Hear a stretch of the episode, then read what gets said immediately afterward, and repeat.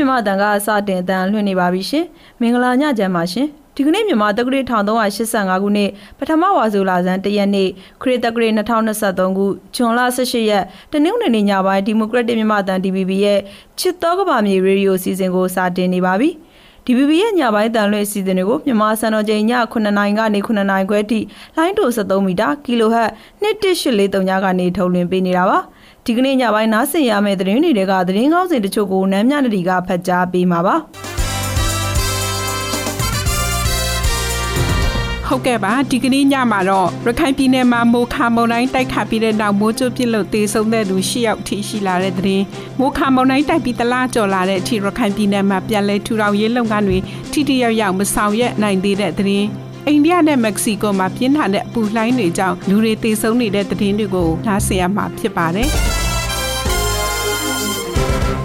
ဒီသတင်းတွေပြီးမှတော့မိချောင်းတင်ကောတာကတော့သူကညာတော်အဖြစ်တစ်တော်ပြုံးတိမှုနဲ့တစ်တော်ပျက်စီးမှုတွေကြောင့်ဖြစ်လာရခြင်းဖြစ်တယ်မြစ်ချောင်းတွေတိမ်ကောသွားရတဲ့အဓိကအကြောင်းနဲ့တဘာဝပတ်ဝန်းကျင်ပေါ်တရားမှုနဲ့ပတ်သက်ပြီးရှမ်းတဘာဝပတ်ဝန်းကျင်ထိန်းသိမ်းရေးအဖွဲ့တာဝန်ခံစိုင်းခေးဆိုင်နဲ့ဆက်သွယ်မေးမြန်းချက်ကိုနားဆင်ရမှာဖြစ်ပါတယ်။ဒီကနေ့ဆောင်းပါးစီစဉ်မှာတော့သူမတခါမှမသိခဲ့ဘူးတဲ့ဂျာကာတာမြောက်ပိုင်းကမ်းခြေကစိတ်ငြိမ်လာတဲ့လူမှုတော်နဲ့တဘာဝဘေးမဲ့တော်ကိုတွားရောက်လေ့လာနေကြတာဖြစ်ပါတယ်။ အင်ဒိုနီးရှားမြို့တော်ရေမနှင်းမြုပ်စေဖို့ဒီရေတော်တွေမှာပြိုးပင်တွေစိုက်ပျိုးကြတဲ့အကြောင်းဆောင်းပါးကိုထုတ်လွှင့်ပေးဖို့ရှိပါတယ်။ဒီကနေ့အစီအစဉ်တွေကိုတော့ကျမဒီဂျူလိုင်းနဲ့အတူကျမနာမြနဒီတို့ကတင်ဆက်ပေးသွားကြမှာပါ။ကဲနာမြနဒီရေဒီကနေ့ထူးခြားတဲ့သတင်းတွေကိုတင်ဆက်ပေးကြရအောင်နော်။ဟုတ်ကဲ့ပါရခိုင်ပြည်နယ်ပုံနှကျွန်းမြို့နယ်မြောက်ဦးမြို့နယ်နဲ့ကြောက်တော်မြို့နယ်မှာဇွန်လ16ရက်တရက်တည်းမှာမိုးကြိုးပစ်ခံရတာကြောင့်အမျိုးသား3ယောက်နဲ့အမျိုးသမီး1ယောက်သေဆုံးသွားပြီးအမျိုးသမီး1ယောက်ဆေးကုသမှုခံယူနေရတယ်လို့မိသားစုဝင်တွေနဲ့ကြေးရွာသားတွေစီကသိရပါတယ်ရခိုင်ပြည်နယ်မှာမိုးခါဆိုင်ကလုန်းမုန်တိုင်းတိုက်ခတ်ခဲ့ပြီးတဲ့နောက်မိုးကြိုးပစ်သေဆုံးသူ10ယောက်ထိရှိလာပြီးဒဏ်ရာရသူ2ယောက်ရှိလာပါတယ်မုန်တိုင်းအလွန်တလအတွင်းမှာရခိုင်ပြည်နယ်မှာမိုးကြိုးပစ်ခံရပြီးကြောက်ဖြူမြို့နယ်မှာအမျိုးသား1ယောက်ရံပြဲမြို့နယ်မှာကျောင်းသား2ယောက်ရသေးတောင်မြို့နယ်မှာကလေး1ယောက်မြောက်ဦးမြို့နယ်မှာအမျိုးသား1ယောက်ပုံနှကျွန်းမြို့နယ်မှာအမျိုးသား2ယောက်နဲ့အမျိုးသမီး1ယောက်သေဆုံးခဲ့ပြီးကြောက်ဖြူမြို့နယ်နဲ့ကြောက်တော်မြို့နယ်မှာအမျိုးသား1ယောက်နဲ့အမျိုးသမီး1ယောက်ထိခိုက်ဒဏ်ရာရရှိခဲ့ကြပါတယ်။ရခိုင်ပြည်နယ်ကြောက်တော်မြို့နယ်တင်းမာကျေးရွာမှာမိုခါမုန်တိုင်းကြောင့်ပျက်စီးသွားတဲ့နေအိမ်တွေကိုပြန်လည်ပြုပြင်ခြင်းပေမဲ့စစ်ကောင်စီတပ်တွေတပ်ဆွဲနေထိုင်တဲ့အတွက်ပြုပြင်ခွင့်မရသေးဘူးလို့ဒေသခံတွေကပြောပါရယ်။2020ခုနှစ်ကရခိုင်တပ်တော်နဲ့စစ်ကောင်စီတပ်တွေကြားနှစ်ဖက်တိုက်ပွဲတွေကြောင့်အိမ်နောက်စု800ကျော်ကဒေသခံတွေဟာနေအိမ်တွေကိုစွန့်ခွာပြီးစစ်ဘေးရှောင်စခန်းတွေမှာခိုလုံနေရက မိုခါမုန်တိုင်းကြောင့်ပျက်စီးခဲ့ရတဲ့နေအိမ်တွေကိုဒီကနေ့အထိပြန်လည်ပြုပြင်ခြင်းပေမဲ့ ကျေးရွာနဲ့ကျေးရွာအနီးတစ်ဝိုက်မှာစစ်ကောင်စီတပ်တွေတပ်ဆွဲထားလို့နေရမပြန်ရဲသေးဘူးလို့ဒေသခံတွေကဆိုပါတယ်။ပြီးခဲ့တဲ့မေလ14ရက်နေ့ကဝင်ရောက်ခဲ့တဲ့မိုခါမုန်တိုင်းတန်ကြောင့်နှစ်ပေါင်း130ကျော်တပ်တန်းရှိတဲ့တင်းမကျေးရွာကဖုံးတော်ကြီးကျောင်းပါဝင်ကျေးရွာအတွင်းမှာရှိတဲ့နေအိမ်များပြားပျက်စီးခဲ့ရပြီးပြန်လည်ပြုပြင်ခွင့်ရရှိဖို့ကိုပြည်내အစိုးရစီမံတင်ပြတောင်းဆိုထားတယ်လို့လည်းတင်းမဆရာတော်ကမိန့်ပါတယ်။မကွေးတိုင်းစလင်းမြို့နယ်စင်ပြူကျွန်းမြို့မှာရေကြီးရေရှမ်းဖြစ်ခဲ့တဲ့စလင်းကျောင်းရေလမ်းကျောင်းပြုပြင်တဲ့လုပ်ငန်းတွေတွားရောက်လှုပ်ဆောင်ခဲ့တယ်လို့မြန်မာနိုင်ငံကြက်ချင်ဒီအသင်းကထုတ်ပြန်ထားပါတယ်။ဇွန်လ16ရက်နေ့ကကြက်ချင်ဒီစေတနာလုပ်အားရှင်တွေကရေအရင်အမြင့်နဲ့မြစ်ချောင်းများဖွံ့ဖြိုးတိုးတက်ရေးဦးစီးဌာနကဝန်ထမ်းတွေနဲ့အတူတဘာဝပေးအန်ဒီယကြိုတင်ကောက်ွယ်ရေးလုပ်ငန်းတွေဆောင်ရွက်ခဲ့တာလို့ဆိုပါတယ်။မိုခါမုံတိုင်းဝင်ရောက်တိုက်ခတ်ခဲ့တဲ့မေလ14ရက်နေ့ကစင်ပြူကျွန်းမြို့မှာရုတ်တရက်ရေကြီးလာနေရကနေဒေသခအနည်းဆုံး3ဦးရေနစ်သေဆုံးခဲ့ပါတယ်။မြစ်ရေကြီးမှုကြောင့်စင်ပြူကျွန်းတစ်မြို့လုံးကအိမ်တွေနဲ့ကြီးရွာတွေကိုရေတွေဝင်ရောက်နှိမ့်မြုပ်ခဲ့တာဖြစ်ပြီးမြို့ရဲ့တမိုင်းတလျှောက်အဆိုးရွားဆုံးနဲ့ပျက်စီးဆုံးရှုံးမှုအများဆုံးတဘာဝပေးကြုံတွေ့ခဲ့တာလည်းဖြစ်ပါတယ်။ အမေလက်ဆောင်အမေရက်တောင်ကမ်ပိန်းစီစဉ်ကနေ American ဒေါ်လာ3သိန်း4တောင်ကျော်ရရှိခဲ့ပြီးလက်တလုံးမှာတော့တိုက်ပွဲနေရာတွေနဲ့စစ်ကြောင်းကင်းလို့ရနေရာတွေစီထွက်ပြေးတိမ်းရှောင်ခိုလုံနေကြရတဲ့စစ်ဘေးရှောင်ပြည်သူတွေမုံတိုင်းတန်တင်ခဲ့တဲ့ပြည်သူတွေအတွက်စားဝတ်နေရေးအဆင်ပြေဖို့စားနေခါနဲ့အမိုးကလိုအပ်ချက်တွေကိုသက်ဆိုင်ရာမြို့နယ်ပြည်သူ့အုပ်ချုပ်ရေးအဖွဲ့ဝင်တွေလူသားချင်းစာနာမှုတာဝန်ခံတွေကနေတဆင့်ပူးပေါင်းထောက်ပံ့ပေးနိုင်ခဲ့တယ်လို့သိရပါတယ်မြန်မာနိုင်ငံအနှံ့ပြားမှာစစ်ဘေးရှောင်နေကြရတဲ့ပြည်သူတွေအတွက်အမျိုးသားညီညွတ်ရေးဆိုရအန်ယူဂျီကဥဆောင်ခဲ့တဲ့အမေလက်ဆောင်မေရက်တောင်ကမ်ပိန်းအစီအစဉ်ကနေရရှိခဲ့တဲ့အလူငွေတွေကစားနပ်ရိက္ခာနဲ့မိုးကာတွေထောက်ပံ့ပေးနေတယ်လို့ထုတ်ပြန်ပါတယ် ဒီအစီအစဉ်ကို NUG အစိုးရလူသားချင်းစာနာထောက်ထားရေးနဲ့ဘေးအန္တရာယ်ဆိုင်ရာစီမံခန့်ခွဲရေးဝန်ကြီးဌာနနဲ့ OFP Global Fundraiser Group တို့ကပူးပေါင်းဆောင်ရွက်တာဖြစ်ပြီးပြီးခဲ့တဲ့2022ခုနှစ်ဩဂုတ်လ10ရက်နေ့ကနေလက်မှတ်တွေစတင်ရောင်းချခဲ့တာဖြစ်ပါတယ်။မိုးခါမုန်တိုင်းပေးသင့်ပြည်သူတွေအတွက်ရန်ပုံငွေရှာတဲ့လေးပွင့်ဆိုင်ဘောလုံးပွဲကနေအလူငွေကျပ်သိန်း955သိန်းခွဲရရှိခဲ့ပြီးမိုးခါမုန်တိုင်းတင်ဒေတာပြန်လည်ထူထောင်ရေးအတွက်လှူဒန်းသွားမယ်လို့စစ်ကောင်စီပြန်ကြားရေးကသတင်းထုတ်ပြန်ပါတယ်။ရန်ပုံငွေရှာတဲ့လေးပွင့်ဆိုင်ဘောလုံးပွဲကိုရန်ကုန်မြို့သူဝနကွင်းမှာဇွန်လ16ရက်နဲ့18ရက်နေ့တွေမှာ2ရက်တာကျင်းပခဲ့တာပါ။ဘောလုံးပွဲမှာတော့ရုပ်ရှင်အသင်းဂီတအတင်း Forever FC အသင်းနဲ့ All Star FC အသင်းတို့ရှင်ပြိုင်ကစားခဲ့ကြရမှာဂီတအသင်းကအနိုင်ရဘူဆွဲသွားပါတယ်။ဘောလုံးပွဲမှာနိုင်ငံကျော်တရုတ်ဆောင်တွေအဆိုတော်တွေနဲ့နိုင်ငံလက်ရွေးစင်ဘောလုံးသမားဟောင်းတွေပါဝင်ကစားခဲ့ကြတာဖြစ်ပြီးတေးတချင်းတွေနဲ့လည်းတီဆိုဖျော်ဖြေခဲ့ကြပါလေရှင်။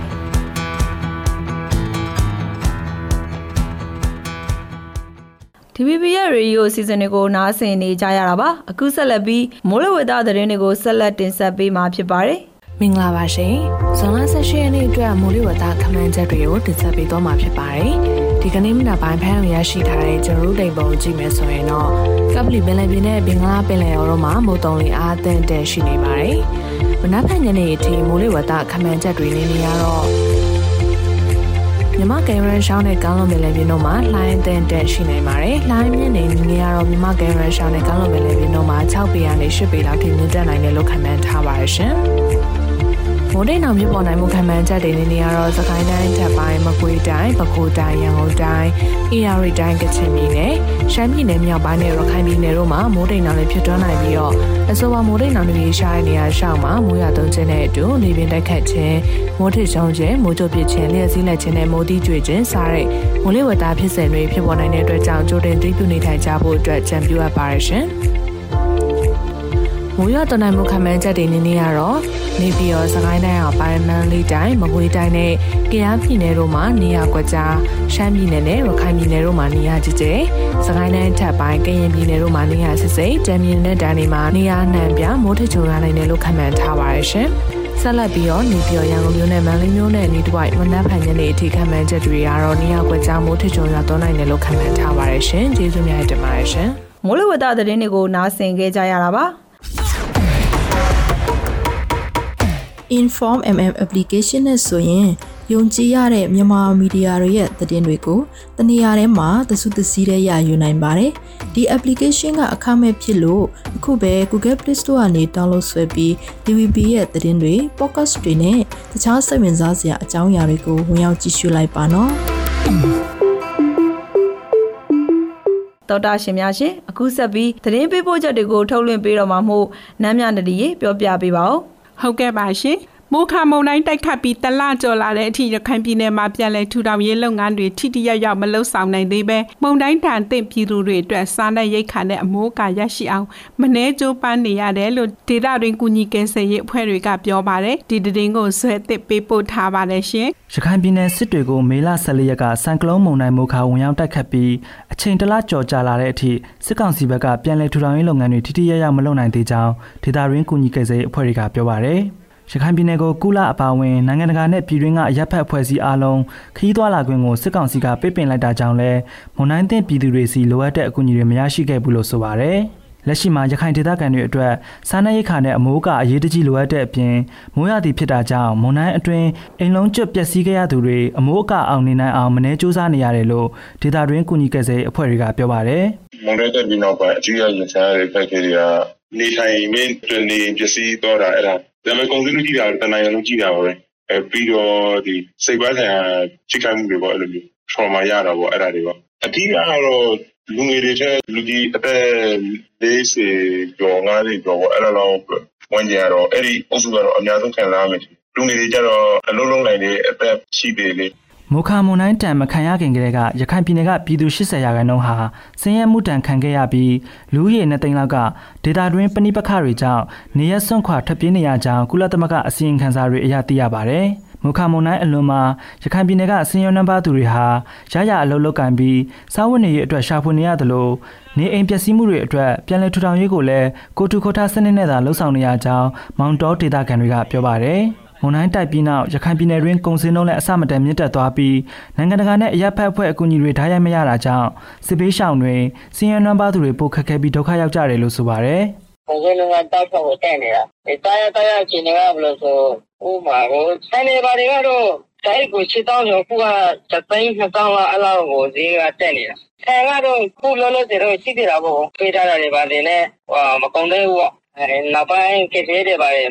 မလာလို့ရှိရင်တော့ပြင်မပြေဖြစ်မှာပေါ့မုခမွန်တိုင်းတိုက်ခတ်ပြီးတလားပြည့်တဲ့အချိန်ထိမွန်တိုင်းတင်ပြည်သူတွေအတွက်စားနပ်ရိက္ခာနဲ့အမိုးအကာ80ရာခိုင်နှုန်းလောက်လိုအပ်နေပြီးစားနပ်ရိက္ခာလိုအပ်တဲ့အိမ်အောင်စု2သိန်းနီးပါးအမိုးအကာလိုအပ်နေတဲ့အိမ်အောင်စု3သိန်းခွဲကျော်ရှိတယ်လို့ရခိုင်အမျိုးသားအဖွဲ့ချုပ်ရခိုင်တပ်တော် ULAAA ကဇွန်လ14ရက်မှာထုတ်ပြန်ထားပါတယ်။ မွန်တိုင်းတင်ဒေသတွေအတွက်လက်ရှိအချိန်ထိမွန်တိုင်းပေးတင်လူဦးရေ6300ကျော်အတွက်သာအမိုးအကနဲ့တခြားလူမှုကယ်ဆယ်ရေးပစ္စည်းတွေပံ့ပိုးပေးနိုင်ခဲ့တယ်လို့ကုလသမဂ္ဂလူသားချင်းစာနာမှုဆိုင်ရာညီနိုင်ရေးယုံ UNOCHA မြန်မာကထုတ်ပြန်ထားပါတယ်။ကုလသမဂ္ဂအနေနဲ့မုန်တိုင်းဖြစ်ပြီးနောက်အကန့်အသတ်နဲ့ရထားတဲ့သွာလာခွင့်ကနေမုန်တိုင်းပေးတင်ဒေသရှိလူဦးရေ3,100ကျော်ကိုအမိုးအကာနဲ့ကယ်ဆယ်ရေးပစ္စည်းတွေပေးအပ်ခဲ့ပြီးရခိုင်ပြည်နယ်တွင်းကလူပေါင်း3သိန်းနီးပါးစီစားနပ်ရိက္ခာအကူအညီတွေထောက်ပံ့ပေးခဲ့တယ်လို့သိရပါတယ်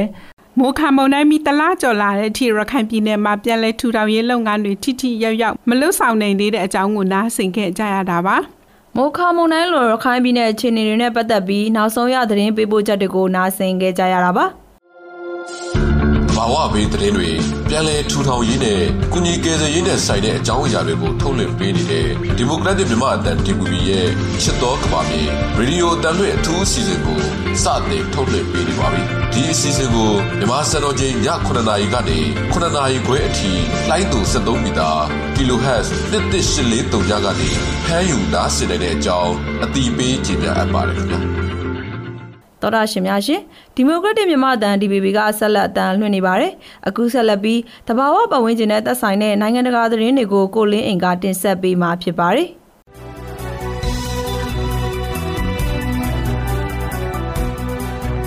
အိန္ဒိယနိုင်ငံမြောက်ပိုင်းအန်ဒရာပရာဒက်ပြည်နယ်မှာပြင်းထန်တဲ့ပူဒဏ်ကြောင့်နှစ်ရက်အတွင်းလူ34ဦးသေဆုံးခဲ့တယ်လို့ဇွန်လ16ရက်မှာအာဏာပိုင်တွေကပြောပါတယ်။ဘယ်လီရာခရိုင်မှာဖြစ်ပွားခဲ့တာဖြစ်ပြီးသေဆုံးသူအလုံးကအသက်60ကျော်တွေဖြစ်ကအပူဒဏ်ပြင်းထန်မှုနဲ့ငကိုယောဂအခန်းတွေရှိလို့သေဆုံးခဲ့တာဖြစ်ပါတယ်။သေဆုံးသူများစုဟာနှလုံးဖောက်တာ၊အုံနောက်လီဖြတ်တာနဲ့ဝမ်းလျှော့တာတွေကြောင့်ဖြစ်ပါတယ်။အိန္ဒိယမိုးလေဝသဌာနရဲ့ထုတ်ပြန်ချက်အရဇွန်လ16ရက်ကဘာလီယာခရိုင်ရဲ့အမြင့်ဆုံးအပူချိန်မှာ108ဒီဂရီဖာရင်ဟိုက်ဖြစ်ပါတယ်။ပူပြင်းတဲ့နေရာဒီမှာပြည်နယ်တဝန်လျှက်စစ်ပြတ်တောက်မှုတွေဖြစ်ပြီးအပူချိန်ပြင်းထန်မှုတွေဖြစ်လို့အိန္ဒိယနိုင်ငံရဲ့လူဦးရေတန်းနဲ့ချီပြီးတောက်သုံးရေပြက်လက်မှုနဲ့ကြုံတွေ့နေရပါတယ်။ မက္ကဆီကိုနိုင်ငံမှာပြင်းထန်တဲ့ပူလန်ကြောင့်လူရှည်ဦးသေဆုံးခဲ့တယ်လို့ဇွန်လ16ရက်မှာကျန်းမာရေးဝန်ကြီးဌာနကပြောပါတယ်။မက္ကဆီကိုစီးတီးမြို့တော်မှာအပူချိန်35ဒီဂရီစင်တီဂရိတ်ထိစံချိန်တွေမြင့်တက်နေပြီးဧပြီလလယ်ကနေဇွန်လလယ်ထိအပူဒဏ်ကြောင့်သေဆုံးသူ9ဦးနဲ့ရေတက်ခန့်ချောက်ပြီးသေဆုံးသူ2ဦးရှိခဲ့ပါတယ်။အပူဒဏ်ကကာကွယ်ဖို့ရေမြများတောက်နေရကရေပြတ်နေလို့ကလေးတွေရေမချိုးရတဲ့အပြင်မီးပြတ်နေလို့ပန်ကာတော်မဖွင့်နိုင်ဘူးလို့ဒေသခံကပြောပါတယ်။မွန်တာရီမြို့တရှိရာနူဗိုလီယွန်ပြည်နယ်ဆိုရဟာကလေးငယ်တွေကိုနေပူချောင်ဖို့တရက်ကို2နာရီသာကြောင်းတက်ရမယ်လို့ကန့်သက်ထားပါတယ်။မက္ကဆီကိုနိုင်ငံမှာမနှစ်ကစပြီးအပူလိုင်းဖြတ်တာမိုးခေါင်ရေရှားမှုတွေကြောင့်အရေးပေါ်အခြေအနေကြီးညာခဲ့ရပါတယ်။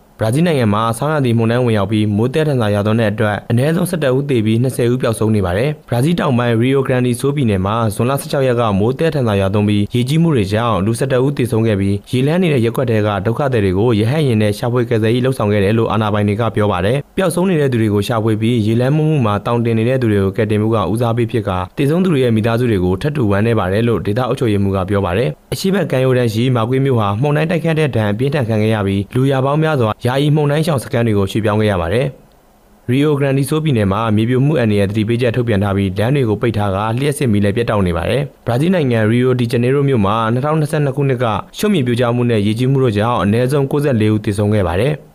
ဆာဘီယာနဲ့ဘော့စနီးယားတို့မှာရက်တော်ကြာမိုးတက်ထန်သာရွာသွန်းမှုကြောင့်ရေလမ်းမှုမှုတွေဖြစ်ပေါ်ခဲ့ပြီးဒေသအများပြားကိုအာဏာပိုင်တွေကဇွန်လ16ရက်မှာရေးပေါ်အခြေအနေကြေညာခဲ့ပါတယ်။ဆာဘီယာနိုင်ငံမှာကယ်ဆယ်ရေးသမား1300နဲ့လှေ22စီးတို့ကိုနေရာအသီးသီးကလူဒါဇင်ပေါင်းများစွာကိုဘေးလွတ်ရာရွှေ့ပြောင်းပေးဖို့တာဝန်ဖျက်ချက်ထားခဲ့တယ်လို့ပြည်ထရေးဝန်ကြီးဌာနကထုတ်ပြန်ချက်မှာဖော်ပြထားပါတယ်။အနောက်တောင်ပိုင်းကြီးကရာဒေဘိုမြို့နီကတရားဒဇင်ကိုမြေရီကတိုက်ချသွားပါတယ်။ဆာဘီယာလယ်ပိုင်းမှာလင်ပီနီကမြေရဲ့ကမ်းပါးတွေကျိုးပေါက်ခဲ့တဲ့အတွက်ကယ်ဆယ်ရေးသမားတွေဟာကရာဂူရှာပစ်မြို့မှာလူ12ဦးကိုသူတို့အိမ်တွင်းကနေကယ်ထုတ်ခဲ့ရပြီးယာဂိုဒီယာမြို့အနီးကရွာတရွာမှာလူ22ဦးကိုကယ်တင်နိုင်ခဲ့တယ်လို့မြို့တော်ဝင်နီကိုလာဒါဆက်ကပြောပါတယ်။မြင်းငယ်တွေမှာလည်းကမ်းမတွေပြိုကျခဲ့ပြီးလမ်းတွေနဲ့ဓာတ်အားလိုင်းတွေပြတ်တောက်ခဲ့ပါတယ်။အမေရိကန်ပြည်ထောင်စုမှာဇွန်လ15ရက်ကလေဆင်နှာမောင်းတိုက်ခတ်တဲ့အတွက်ဖလော်ရီဒါပြည်နယ်မှာလူတအုပ်သေဆုံးပြီးတက်ဆက်ပြည်နယ်မှာတော့လူ3ဦးသေဆုံးခဲ့ပါတယ်ဖလော်ရီဒါပြည်နယ်နောက်ပိုင်းအက်စတန်ဘီယာကောင်တီမှာဇွန်လ15ရက်ကလေဆင်နှာမောင်းတိုက်ခတ်မှုကြောင့်နေနှလုံးပေါ်တစ်ပင်တစ်ပင်ပြိုကျခဲ့တယ်လို့ဒေတာရင်းမီဒီယာတွေကဖော်ပြပါတယ်မိုးကြိုးမုန်တိုင်းတွေတိုက်ခတ်မှုကြောင့်ပန်ဆာကိုလာကမ်းရိုးထဲမှာရေလှမ်းမှုမှုတွေဖြစ်ပေါ်ခဲ့ပါတယ် ကနေဒါဝန်ကြီးချုပ် Justin Trudeau ကသူ့နိုင်ငံတော်မီလောင်တာကိုကင်တွယ်နိုင်ဖို့ကြိုးပမ်းနေချိန်မှာပြင်းထန်တဲ့ရာသီဥတုဖြစ်ရပ်တွေမကြာခဏပြန်ဖြစ်နိုင်တယ်လို့သတိပေးခဲ့ပါတယ်။ Trudeau ဟာမီလောင်ကျွမ်းမှုတိုက်ဖျက်ရေးကြိုးပမ်းရာမှာအဓိကကြကြအကူအညီပေးခဲ့တဲ့ဘာကော့ဘေလီမှာရှိတဲ့ကနေဒါလက်နက်ကင်တပ်ဖွဲ့ဝင်တွေနဲ့လည်းတွေ့ဆုံခဲ့ပါတယ်။ဘေးလို့ရရွှေ့ပြောင်းနေထိုင်သူတွေကိုအကူအညီပေးတဲ့အတိုင်းအဝိုင်းကိုလည်းဝန်ကြီးချုပ်ကတွားရောက်ကြည့်ရှုခဲ့ပါတယ်။ကနေဒါနိုင်ငံဟာဥရောပနောက်ပိုင်းကနယ်သာလန်နိုင်ငံထက်ပိုကျယ်တဲ့ဧရိယာဟက်တာ4.8တန်းလောက်ရှိတဲ့နယ်မြေမှာအဖြစ်အစည်းအဆိုးဆုံးအဖြစ်တော်မီလောင်နေတဲ့ရာသီအစကိုကြံ့ကြံ့ခံနေရပါတယ်။တော်မီဟာနေရာဒီမှာပုံမှန်လောင်ကျွမ်းလေးရှိပေမဲ့လက်ရှိလောင်ကျွမ်းမှုတိုင်းတာနဲ့အချိန်စောလောင်ကျွမ်းတာကတော့မကြုံစဘူးဖြစ်ရပါနိုင်ငံတကာသတင်းတွေကိုနားဆင်ကြကြရတာပါတော်တာရှင်များရှင်မုတ်တုံရာသီအတွင်းရေလွှမ်းမိုးမှုအန္တရာယ်ကနေကြိုတင်ကာကွယ်နိုင်ဖို့နဲ့ရေကြီးရေရှာမှုတွေကိုကြိုတင်ပြင်ဆင်ထားနိုင်ဖို့အတွက်ကမ္ဘာ့ကျန်းမာရေးအဖွဲ့ WHO ရဲ့အကြံပြုချက်တွေကိုထုတ်လွှင့်ပေးမှာဖြစ်ပါတယ်။နားဆင်နိုင်ပါပြီရှင်။ ရည်တက်ခန်းချောက်ခြင်းမှာကာကွယ်ဖို့ဓာတ်စားရည်ပြုလုပ်ပုံအစဉ်စဉ်ကိုပြောပြပေးသွားမှာပါ။ရေတလီတာကိုသက်ရှင်သောအိုးတစ်လုံးဖြစ်ကြိုချက်ပါ။ရေကိုအချိန်နှဲငယ်ကြာသည့်အထိအေးခံထားပါ။ဓာတ်စားရည်မပြုလုပ်မီလက်ကိုတန့်ရှင်းအောင်စေးကြောပါ။ဓာတ်စားမုတ်ကိုရေထဲထည့်ပြီးရောမွေပါ။တန့်စင်သောပကံခွက်ရောက်သို့မဟုတ်ပလင်းကိုအသုံးပြု၍ဓာတ်စားရည်ကိုသိမ်းစီပါ။နှစ်နှစ်အောက်ကလေးများအတွက်ဓာတ်စားရည်လေးပုံတစ်ပုံမှာခွက်တစ်ဝက်စာအထိတိုင်နိုင်သည်။ နှစ်နှစ်ချက်ကလေးများအတွက်ဓာတ်စားရည်ခွက်တစ်ဝက်စာမှတစ်ခွက်စာထိတိုင်နိုင်သည်ပြင်ဆင်ထားသောဓာတ်စားရည်ကိုလုံခြုံသောနေရာတွင်တင်စီပြီး24နာရီတွင်တောက်ပါတင့်မှာဓာတ်စားရည်မရှိပါကအိမ်တွင်ပြုလုပ်နိုင်ပါသည်တကြားလက်ဖက်ရည်စွန်း6စွန်းနဲ့စားလက်ဖက်ရည်စွန်းတစ်ဝက်ကိုရေတလီတာထဲထည့်ပြီးဓာတ်စားရည်ပြုလုပ်နိုင်ပါသည်ရေလွှမ်းမိုးမှုအန္တရာယ်ကြိုတင်ကာကွယ်အကြံပြုချက်တွေကိုထုတ်လွှင့်ပေးခဲ့တာပါ။ တော်တာရှင်များရှင် DPP ရဲ့ချစ်တော်ကဘာမြေရေဒီယိုအစီအစဉ်ကိုနားဆင်နေကြရတာပါအခုဆက်လက်ပြီးဆက်သွယ်မေးမြန်းချက်ကိုထုတ်လွှင့်ပေးပါမယ်ဒီကနေ့ဆက်သွယ်မေးမြန်းချက်အစီအစဉ်မှာတော့မြစ်ချောင်းတွေတိမ်ကောသွားရတဲ့အဓိကအကြောင်းနဲ့တဘာဝပတ်ဝန်းကျင်ပေါ်တိုက်ရောက်မှုနဲ့ပတ်သက်ပြီးရှမ်းတဘာဝပတ်ဝန်းကျင်ထိန်းသိမ်းရေးအဖွဲ့တာဝန်ခံစိုင်းခေးဆိုင်ကိုဆက်သွယ်မေးမြန်းထားပါတယ်။နားဆင်နိုင်ပါပြီရှင်။ မြစ်ချောင်းတွေတိမ်ကောသွားရတဲ့အဓိကအကြောင်းရင်းကရောဘာတွေရှိမလဲရှင့်အကြီးမားဆုံးကတော့တစ်တော်ပြုံးတိမှုကအလွန်အကျွံဖြစ်တာပေါ့တစ်တော်ထုတ်လုပ်သွားပြီဆိုလို့ရှိရင်ဂျန်တဲ့အကိုင်းအစအတစ်အလေးတွေကသူကရေချောင်းလေးပြန်ကြီးကြလာလေအဲ့ဒီဟာတွေကမြစ်ချောင်းတွေကိုပိတ်ပြီးတော့သူကတင်ကောရကျုံးညာပြီးမှကရေနှုတ်မြောင်းရေလွှဲမြောင်းတို့ကပြန်ဆယ်တာမရှိဘူးဒီတိုင်းပဲထားထားတာရှိနေတယ်ဒါကြောင့်မို့သူကမြစ်ချောင်းတွေကအဲအနေတစ်စင်တင်ကောတာတွေစီမံကိန်းကရှိခြင်းရှိမှာပေါ့ဒါပေမဲ့အလုတ်လုတ်မှုအပေါ်မှာမူတည်ပြီးတော့ချောင်းတွေမြောင်းတွေပြန်ဆယ်တာကတော့မတွေ့ရဘူးဗျာရေကလာဆောက်လုပ်မှုအလွန်များပြားခြင်းကအဲ့ဒါကလည်းသူကချောင်းမြောင်းကိုတင်ကောစေတယ်ပေါ့နော်အာနောက်တစ်ခုကအမိတ်ပြစ်ချတာတော်တော်များများကြတော့ကျွန်တော်တို့အမိုက်ပြစ်တဲ့စနစ်ဘယ်လိုပြရပြီးဘယ်လိုတင်းရမလဲဘယ်မှာရောင်းနိုင်မလဲဆိုတဲ့ဟာကြတော့စနစ်တကျခွဲခြားပြီးတော့လှုပ်ဆောင်ထားခြင်းမရှိဘူးမရှိတဲ့အချိန်ကြောင့်ကျန်တဲ့အနှုတ်နယ်တွေရောခြံရှင်းတာကအစတူအကုန်လုံးကရေချောင်းထဲမှာပြစ်ချလိုက်တဲ့အချိန်ကြောင့်မြစ်ချောင်းတွေတင်ကောရခြင်းဖြစ်တယ်အဲ့လိုမျိုးဖြစ်လာလို့ရှိရင်ရေကြီးရေရှာမှုကသူကအဖြစ်များတာအဖြစ်များတာကသူကတိတော့ပြုံးတိမှုနဲ့ပြန်ပြီးတက်ဆိုင်တယ်ပေါ့နော်ရေကြီးရဲ့ခါကျအရန်ကြီးပြီးတော့သူကနှုံနေနစ်တွေပါလာရေရှာမှုတွေဖြစ်လာတဲ့အချိန်ကြောင့်အလုံးနယ်တွေအားလုံးကရေကျသွားတဲ့အချိန်မှာချောင်းထဲမှာပဲပြန်သွားပြီးတောင်တင်နေတယ်ဒီနေရာဒီရောက်တဲ့အချိန်ကျတော့သူကရေကကြာကျသွားတော့တဲတောင်ဖုံးလွှမ်းမှုနဲ့ဒီအမိုက်တွေကအစပေါ့အဲအဲ့ဒီဟာအားလုံးကတော့သူကမြစ်ချောင်းကိုပြန်ပြီးတော့တင်စီတယ်အဲဒါကြောင့်မို့အဲ့ဒါတွေကအားလုံးကသူကမြစ်ချောင်းတင်ကောစီတဲ့အတိကအရင်းမြစ်တွေဖြစ်တာပေါ့ဟုတ်ကဲ့ပါရှင်ဒီမြစ်ချောင်းတွေတင်ကောလာတဲ့ခါမှာပေါ့နော်တဘာဝပတ်ဝန်းကျင်တဲ့လူတွေပေါ်မှာဘယ်လိုတက်ရောက်မှုတွေရှိနိုင်မလဲရှင်မြစ်ချောင်းကတော့တဘာဝအတိုင်းဆိုလို့ရှိရင်တော့သူကရေကြီးတဲ့အချိန်မှာသူကအားလုံးကဟိုထိန်းနိုင်တယ်ပေါ့ဗျာဒီပင်ကစသူကရေစီးမှုကိုသူကထိန်းတဲ့အချိန်ကျတော့ရေတင်ကောမှုကမဖြစ်ဘူးပေါ့ဒါပေမဲ့ရေတင်ကောမှုဖြစ်လာတဲ့အချိန်ကျတော့သူကဟာရေခမ်းလွယ်တယ်ပြီးတော့ရေရေကြီးလဲလွယ်တယ်မိုးခေါင်ရေရှားမှုနဲ့ဖြစ်ရတာလွယ်တယ်မြေချောင်းတင်ကောတာကတော့သူကများတော့အဖြစ်တစ်တော်ပြုံးတိမှုနဲ့တစ်တော်ပျက်စီးမှုတွေကြောင့်ဖြစ်လာရခြင်းဖြစ်တယ်ပေါ့နော်အာအဲ့ဒီကအတိကအအကြောင်းအရာတစ်ခုဖြစ်တယ်ပြီးတော့ရေခါလာတွေကသူကဆောက်လုပ်တာများလာတယ်များလာတဲ့အချိန်ကျတော့သူကရေပိတ်ရေလွတ်မှုနဲ့ရေထိန်မှုကသူကရှိလာတယ်ဒီရေခါလာမဆောက်ခင်တစ်တော်ပြုံးတိမှုကများတဲ့အချိန်ကျတော့ဒါအတိကတဘာဝပတ်ဝန်းကျင်ထိခိုက်မှုတွေအဲ့လိုမျိုးဖြစ်လာတယ်ဒါတွေနဲ့ဆက်ဆက်ထဲဖြစ်လာတဲ့အချိန်ကျတော့အတိကစိုက်ပျိုးရေးမှာကျတော့လဲသူကစိုက်ခင်းတွေထိတယ်စိုက်ခင်းတွေထိတဲ့အချိန်ကျတော့သူကမစိုက်ခင်ကမိုးတိတ်မရွာတဲ့အချိန်ကျတော့ရေကဘယ်နေရာယူလို့မရတာရာတီကြော်လွန်မှုဖြစ်တယ်အဲကြောင့်မို့သူကအဲ့ဒီကနေအစဖြစ်လာတာပေါ့နော်စိုက်ပြီးတော့မိုးရွာဒါရေကြီးတာရေရှာတာပြန်ဖြစ်လာတဲ့အချိန်ကျတော့ဒီချောင်းတင်ကောမှုကဒီတဘာဝပတ်ဝန်းကျင်တစ်ခုတည်းတော့မဟုတ်ဘူးလူရဲ့စာဝတ်နေရေးနဲ့စိုက်ပျိုးရေးပါ သူကထိခိုက်လာတယ်ပေါ့နော်အဲအဲ့ဒါတွေကသူကအဓိကအရင်းမြစ်တွေဖြစ်တယ်ပေါ့ဒီမြစ်တွေချောင်းတွေရေရှည်တဘာဝအတိုင်းစစ်စင်းနိုင်စေဖို့အတွက်ပေါ့နော်ပြည်သူတွေကိုပါတွေတိုက်တွန်းအကြံပြုချင်ပါလဲရှင်ရေရှည်ကြီးဖို့အတွက်ကတော့အားလုံးနဲ့တက်ဆိုင်တာပေါ့ရေလာတဲ့လမ်းကြောင်းတွေတည်တော်ဖြုံးတိမှုနေရာတွေပေါ့အဲ့ဒီနေရာတွေကကျွန်တော်တို့တစ်ပင်တွေပြန်စိုက်ပြီးတော့ပြန်လဲထိမ့်သိမ်းလို့ရှိရင်တော့ဒါတစ်ခုကောင်းတာပေါ့လေနှစ်ရှည်ပင်တွေအဲအဲ့ဒါတွေလည်းစိုက်လို့ရတယ်တို့သူရေကိုထိမ့်ညှိစေတဲ့အကြီးလုံးမြန်ပြီးတော့မှသူကဟိုရေကိုထိမ့်ညှိစေတဲ့ဥမာမက်စလီတို့လိုမျိုးဘော့စကိုင်းတို့လိုမျိုးအဲအဲ့လိုမျိုးပုံစံတွေကိုကလည်းသူကအစိုက်လို့ရတယ်ပေါ့နော်ခုခုပင်တွေလိုမျိုးအဲလိုအဲတော့ကျွန်တော်တို့ကဒီအဖို့တန်တစ်တွေကိုပဲဦးစားပေးမယ်ဆိုလို့ရှိရင်တော့အဖို့တန်တစ်ဆိုတာကသူကအများဆုံးအခုစိုက်နေတဲ့ဟာတွေပေါ့ဗျာရှင်းနှစ်ကြာရင်ကြာမယ်ရှင်းနှစ်ကြာလို့ရှိရင်တော့တစ်ခါတစ်ခါပြန်ပြီးတော့ခုတ်ရောင်းရမယ်ဆိုတော့နောက်ထပ်ရှင်းနှစ်အတွက်ကသူကစောင့်နေရအောင်မယ်ခုတ်ထားတဲ့ဟာတွေလည်းရှိတယ်ဆိုတော့ဒါကျွန်တော်တို့တကယ်တဘာဝပတ်ဝန်းကျင်နဲ့တကယ်ဒီရေကြီးရေရှာမှုတွေကိုပိတ်နိုင်တဲ့ဟာတွေမဟုတ်ဘူးပေါ့ဒါကြောင့်သူကအစီအစဉ်နဲ့တကွဒီနေ့က အာတရားဆိုင်မယ်ဆိုလို့ရှိရင်နောက်နှစ်200အဲ့လိုမျိုးကြတော့သူကတစ်နှစ်နည်းနည်းစီသူကထုတ်ရောင်းလို့ရတယ်အဲအဲ့လိုမျိုးပုံစံကိုကျွန်တော်တို့အာစနစ်တကျလုပ်မယ်ဆိုလို့ရှိရင်ဒါတစ်မျိုးကောင်းတာပေါ့ထို့အတူဥမာတရက်တီးလို့လိုမျိုးတခြားပိနေတီးလို့လို့သူကယောနောပြီးတော့စိုက်ရင်တော့ပိုကောင်းတယ်ပေါ့ထို့အတူ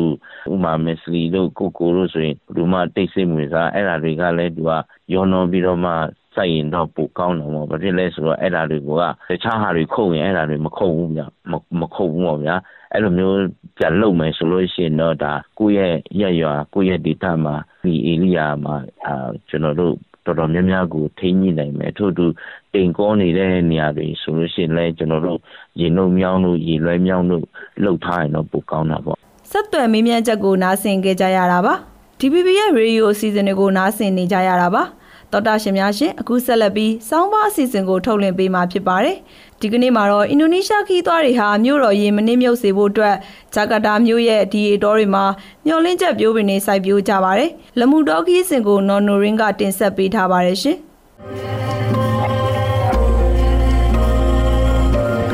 အဝေးကဆူညံနေတဲ့အတန်ဆုံးကောင်းကင်ယံမှာပြန်တန်းနေတဲ့လေရင်တန်တွေကြားမှာ အန်ကီကပို့တဘာဝဘေးမဲ့တော်ရဲ့ရေပြင်ကိုဖျက်သွားပြီးခီးသွားခုနှစ်စီဟွန်ဘေးလေငယ်နဲ့လှော်ခတ်နေပါတယ်။မြို့တော်ဂျာကာတာမှာနေပေမဲ့သူမတခါမှမသိခဲ့ဘူးတဲ့ဂျာကာတာမြောက်ပိုင်းကမ်းခြေကစိတ်ငြိမ်လာတဲ့လူမှုတော်နဲ့တဘာဝဘေးမဲ့တော်ကိုတွားရောက်လေ့လာနေကြတာဖြစ်ပါတယ်။ Saya itu suka alam gitu. Saya pergi sampai jauh sekali. Ternyata saya nggak tahu yang dekat rumah ini ternyata တဘာဝကိုသဘောကျတယ်ခီးဝဲတွေတွားမှုပင်မဲ့ကိုယ်စီမှာဒီလိုဆွဲမဲ့ဖွယ်ကောင်းပြီးလှပတဲ့ဘေးမဲ့တောဥယျာဉ်တစ်ခုအနီးကပ်ရှိနေတယ်ဆိုတာအရင်ကမသိခဲ့ပါဘူးမြို့တော်ကအခုလိုရှုပ်ပွားပြီးညစ်ပေနေတယ်လို့ထင်ရတဲ့ဒီနေရာလေးကိုကြိုက်တယ်ကျမတို့တွေတဘာဝပတ်ဝန်းကျင်ကိုအခုလိုထိမ့်သိမ်းထားနိုင်ပါတယ် သူမဟာဒီရရောက်လမှုတော်တွေရှိရာကိုအဆုလိုက်အပြုံလိုက်လာရောက်ကြတဲ့အင်ဒိုနီးရှားနိုင်ငံသားတွေတဲကတက်ရောက်ဖြစ်ပြီးအင်ဒိုနီးရှားအစိုးရကမြို့တော်တဘာဝကေဟခီးသွွားလုပ်ငန်းမြင့်တင်ဖို့နဲ့တဘာဝမြေဆွေးမြေထိမ့်သိမ်းရေးမှာလူတွေစိတ်ဝင်စားမှုပိုရှိလာစေဖို့ကြိုးပမ်းလှုပ်ဆောင်နေပါတယ်။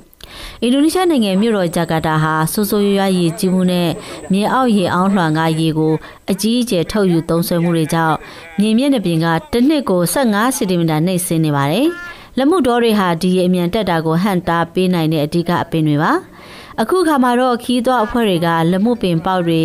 ပင်လယ်ကမ်းစပ်မှာစိုက်ပျိုးတာလက်မှုတော်တလျှောက်လှေလော်ရင်းပတ်ဝန်းကျင်လစ်လာတာတွေလုပ်ကြပါတယ်။ လူတွေကအခုလိုရေတိမ်ရက်ဝဒေတာကျပြန့်လာရေးကိုခယူးတဆိုင်ရှိလာတဲ့အတွက်တဘာဝပတ်ဝန်းကျင်ထိန်းသိမ်းရေးသမားတွေအတွက်အားတက်စရာမျှော်လင့်ချက်ရောင်ချီတစ်ခုဖြစ်ပါတယ်။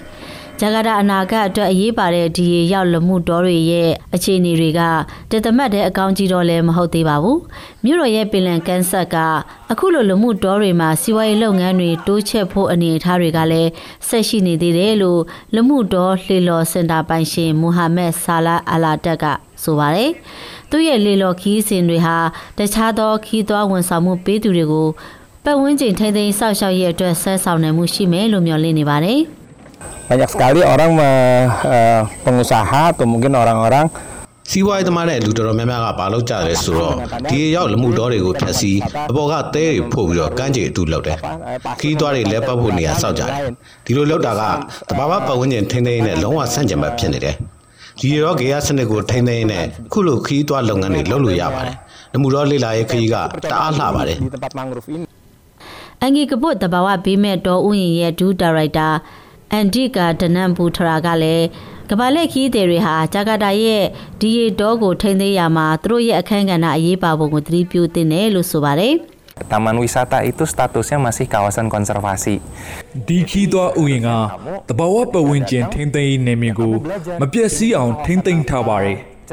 ။ဒါကြောင့်ခီးသွားတွေလာကြည့်မယ်ဆိုရင်ဘလူမျိုးစီမံဆောက်ရှောက်ထားတယ်ဆိုတာကိုလေ့လာနိုင်ပါတယ်။နောက်ခံသမိုင်းကြောင့်ဘလူရှိသလဲတစ်တော်တစ်ပင်တွေထိမ့်သိမ့်တာပြုစုပြိုးထောင်တာဘာတွေလုပ်နိုင်လဲဆိုတာကိုသိနိုင်ပါတယ်။ဒါကအနာဂတ်မျိုးဆက်တွေပျော်ရွှင်ရဖို့ပါ။ နောက်ပြီးတစ်တော်တွေကနေတမဏိအစာအုပ်တွေဖြစ်ပြောင်းလဲတည်ဆောက်မှုကိုစန့်ကျင်တတ်ဖို့ပါပဲ။မြို့တော်ကန်ဂျီကတစ်တော်တွေနဲ့ဒီရေရောက်လမှုတော်တွေဟာဂျကာတာမြို့တော်အတွက်အောက်ဆီဂျင်အများဆုံးထုတ်လုပ်ပေးနေတဲ့နေရာတစ်ခုဖြစ်ပါတယ်။ ဘေးမဲ့တော့တဘာဝဂေဟဗေဒခီးသွားလုပ်ငန်းကစိတ်ဝင်စားမှုတစ်ပြည့်ပြည့်ရလာပေမဲ့68ဟက်တာအကျယ်ပဲရှိတဲ့ဂျကာတာကမ်းခြေဘေးမဲ့တော်လေးဟာ၄ဒသမတသန်းဟက်တာကျယ်ဝန်းတဲ့အင်ဒိုနီးရှားကမ်းခြေတစ်လျှောက်က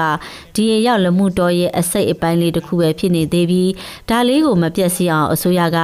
ထိမ့်သိမ့်နိုင်ဖို့ကြိုးစားရုန်းကန်နေရပါတယ်ဆိုတာပါ။